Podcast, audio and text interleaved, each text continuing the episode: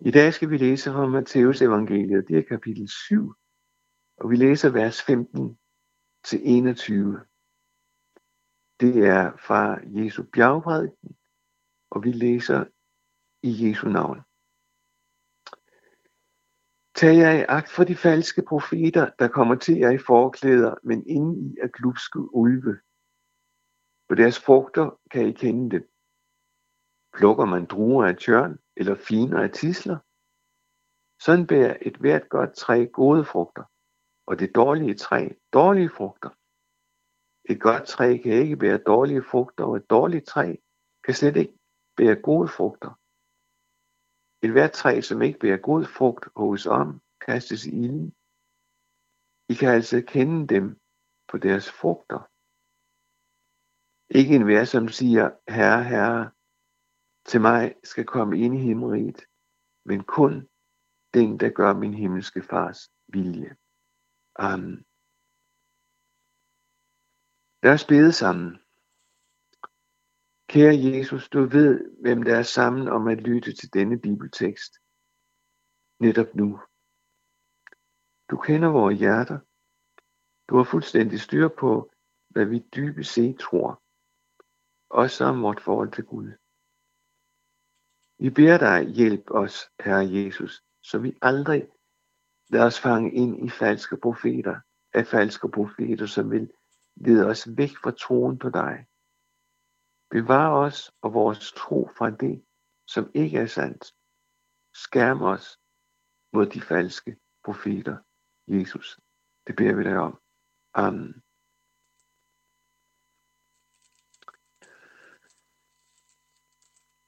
Falske profeter taler Jesus om. Det ser rigtigt ud med dem, men det viser sig, at det de siger, det de mener, vil føre mennesker væk fra det, som vil holde inden for Guds trone helt ind i himlen. En af de ting, som i den grad har præget vores medieverden, primært den elektroniske medieverden, er det, vi kalder fake news. Altså man siger eller skriver eller hævder noget, som ikke er sandt, men løgn. Flere og flere erkender det som et problem i den politiske verden. Og man prøver på forskellige måder at fakta tjekke det, som det er påstået. Altså, er der mange, som, alligevel er der mange, som er fanget af det. Også af de fake, det, vi kalder fake news, løgnhistorier, og tror dem. Også selvom det er helt hysterisk.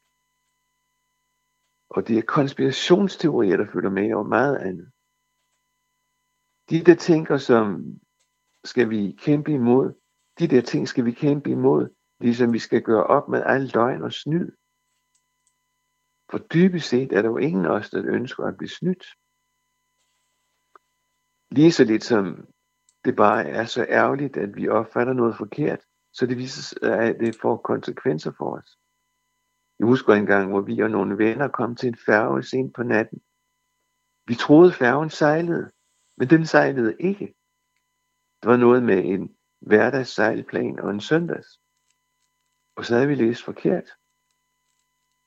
Det er bare så ærgerligt, fordi vi ikke så ordentligt efter, så blev vi snydt. Men det er ikke de her ting, eller sådan en fejltagelse, Jesus taler om i bjergprædiken. Jesus taler om vores forhold til Gud.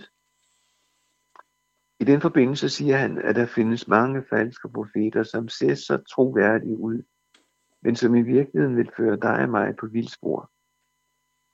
De kommer til at sætte lid til noget forkert, og så løber man ind i den katastrofe, som det er at møde den hellige Gud, og ikke kunne bestå for ham, fordi vi har sat vores liv til noget forkert. Og at komme i den situation, det er det værste af alt. Og det er ikke en floskel, jeg bruger, for det er det værste af alt. Det værste, der kan ske for et menneske. Men hvis man så bare har et forhold til Jesus, så man kalder ham herre, det er i hvert fald et udtryk for, at man bedømmer sin egen situation, så jeg selv er tjener, eller måske endda slave, og han er herre. Hvis man oplever sig selv i den situation, er alting så ikke bare ok. Nej, siger Jesus. Og nu citerer jeg, hvad han siger. Ikke en hver, som siger, herre, herre til mig, skal komme ind i Guds rige, men kun den, der gør min himmelske fars vilje. Det er vers 21 i de vers, jeg læste før. Jeg vil gerne hjælpe dig til at forstå, hvordan man kan komme ind i, him- komme ind i himlen. På samme måde, hvad, hvad det er, hvad det er, øh, på samme måde med det, som jeg har at gøre med, hvad Jesus kalder at gøre min himmelske fars vilje. For knap 20 år siden var jeg til en stor kristen konference her i København. Vi var mange ledere og præster samlet, og der blev givet ganske meget forskellig undervisning. En af dagene, hvor der havde været en pause, og vi blev kaldt ind til næste lektion. Vi satte os på vores pladser, og så blev lyset dæmpet. På scenen, der hvor talerstolen stod, sad to mennesker. En mand og en kvinde.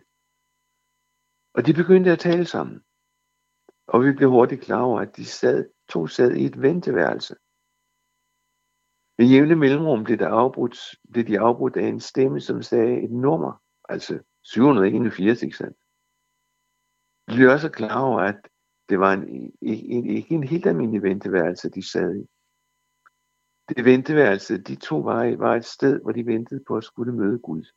Altså Guds venteværelse. De to, der sad der, kendte ikke hinanden. Men de begyndte at tale om, at de skulle møde Gud. Og de skulle stå ham til regnskab. Den ene af dem, nemlig manden, havde en taske med sig, sådan en mindre weekendtaske, som du nok kan forestille sig.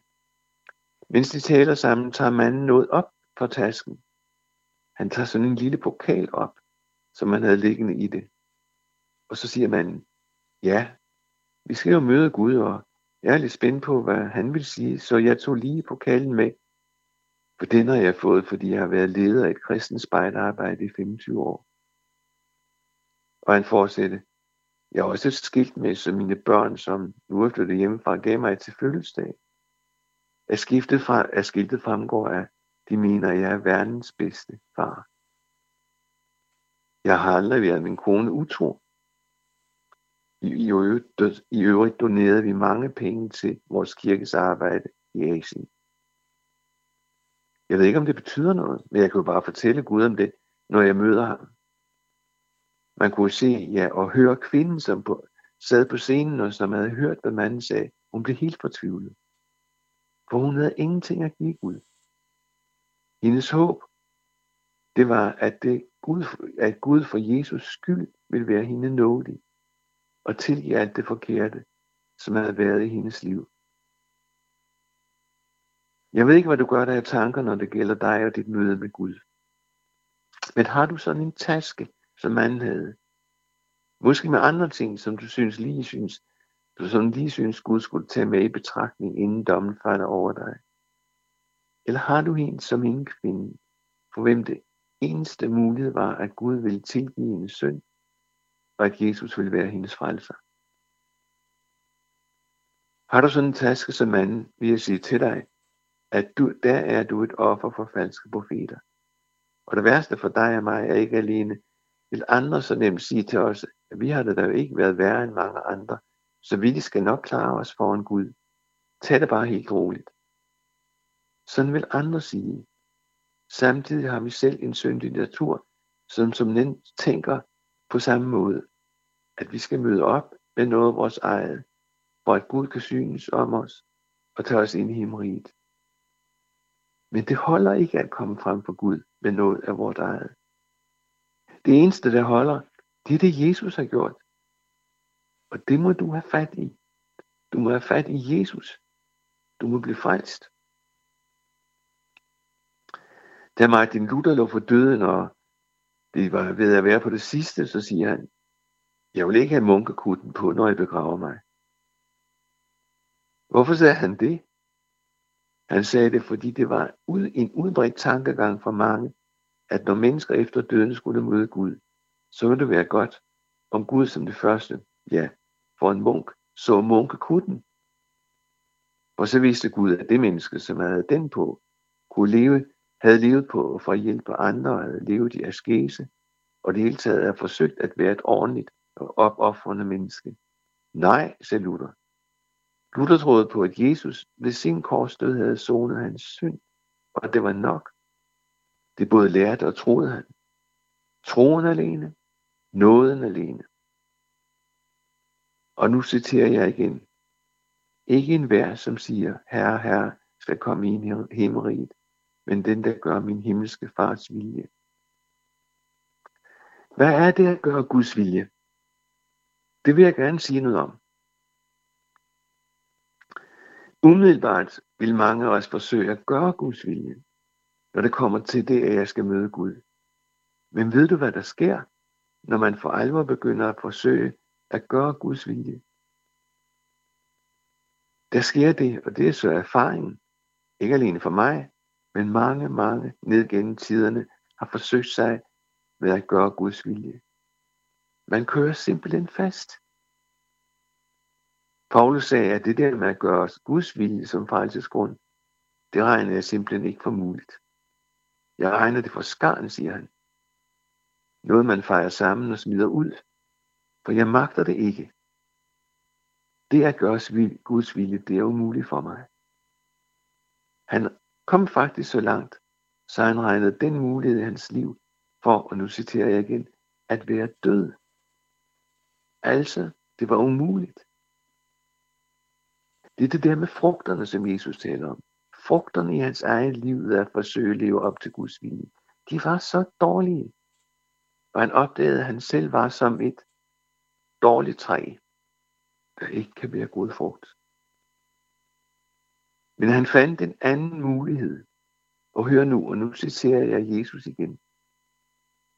Og der siger han, min fars vilje, det har vi så det samme som Guds vilje. Altså, min fars vilje er, at enhver, som ser sønnen, og det er Jesus, enhver, som ser sønnen og tror på ham, skal have evigt liv, og jeg skal rejse ham på den yderste dag. Guds vilje er, at vi skal tro det Gud selv siger, nemlig at Jesus vil være vores frelser. At gøre Guds vilje, det er at tro på Jesus. Og det må du have lov til. At tro, at Jesus er død for dig og for dine sønner, og han vil være din frelser. Og her står kampen. Kampen om det ikke at blive snydt. Kampen mod de falske profeter. Dem, som kan ligne noget, som kommer fra Gud, men som er det, de siger, vildleder andre. Ved du, hvad det er, vi er kommet frem til gennem denne bibeltekst? Det er Bibelens hovedbudskab. Gud, der ønsker, at alle mennesker skal frelses. Gud, der har betalt regningen, så alle, der vil tage imod hans frelse, kan blive frelst. Og så den virkelighed, at der er mennesker, som ikke vil have med Gud at gøre, og andre, som mener, at de har med Gud at gøre, og så fabrikerer de deres egne veje til ham. Mennesker, som lader sig snyde af falske profeter, og det de falske profeter siger. I et af Nytestamentets breve skriver Paulus om det at blive frelst, og det ikke kan lade sig, og ikke at lade sig snyde af falske profeter. På mange forskellige måder udfolder han, hvad Gud har gjort, så du og jeg skal have mulighed for at komme ind i himmeriget, ind i himlen, om du vil. Og gennem Paulus rækker Gud til os, som læser det, netop det Jesus har gjort. I et af de der afsnit udpensler Paulus, hvor dårligt de står til med dig og mig, når det gælder det at gøre Guds vilje. Han fortæller om sin egen erfaring. Ikke kun som noget før han kom til tro, men i sandhed og som noget af den daglige erfaring i livet med Gud. Jeg elendige menneske, siger han. Hvem kan fri mig? For han kan ikke få sit liv til at lykkes med tanke på at gøre Guds vilje. Og så kommer løsningen i forlængelse af det. Så er der da ingen fordømmelse for dem, som er Jesus Kristus. Ingen, ingen, ingen, ingen fordømmelse for det menneske, som tager imod den frelse, Jesus har vundet til os. Det er grundlaget på, på, hvorpå vi kan møde Gud. Og det må du have lov til at tro. For Gud deler ud af det til enhver, der vil høre det og tage imod det. så er der der ingen fordømmelse for dem, som er i Jesus Kristus, siger Gud til dig. Amen.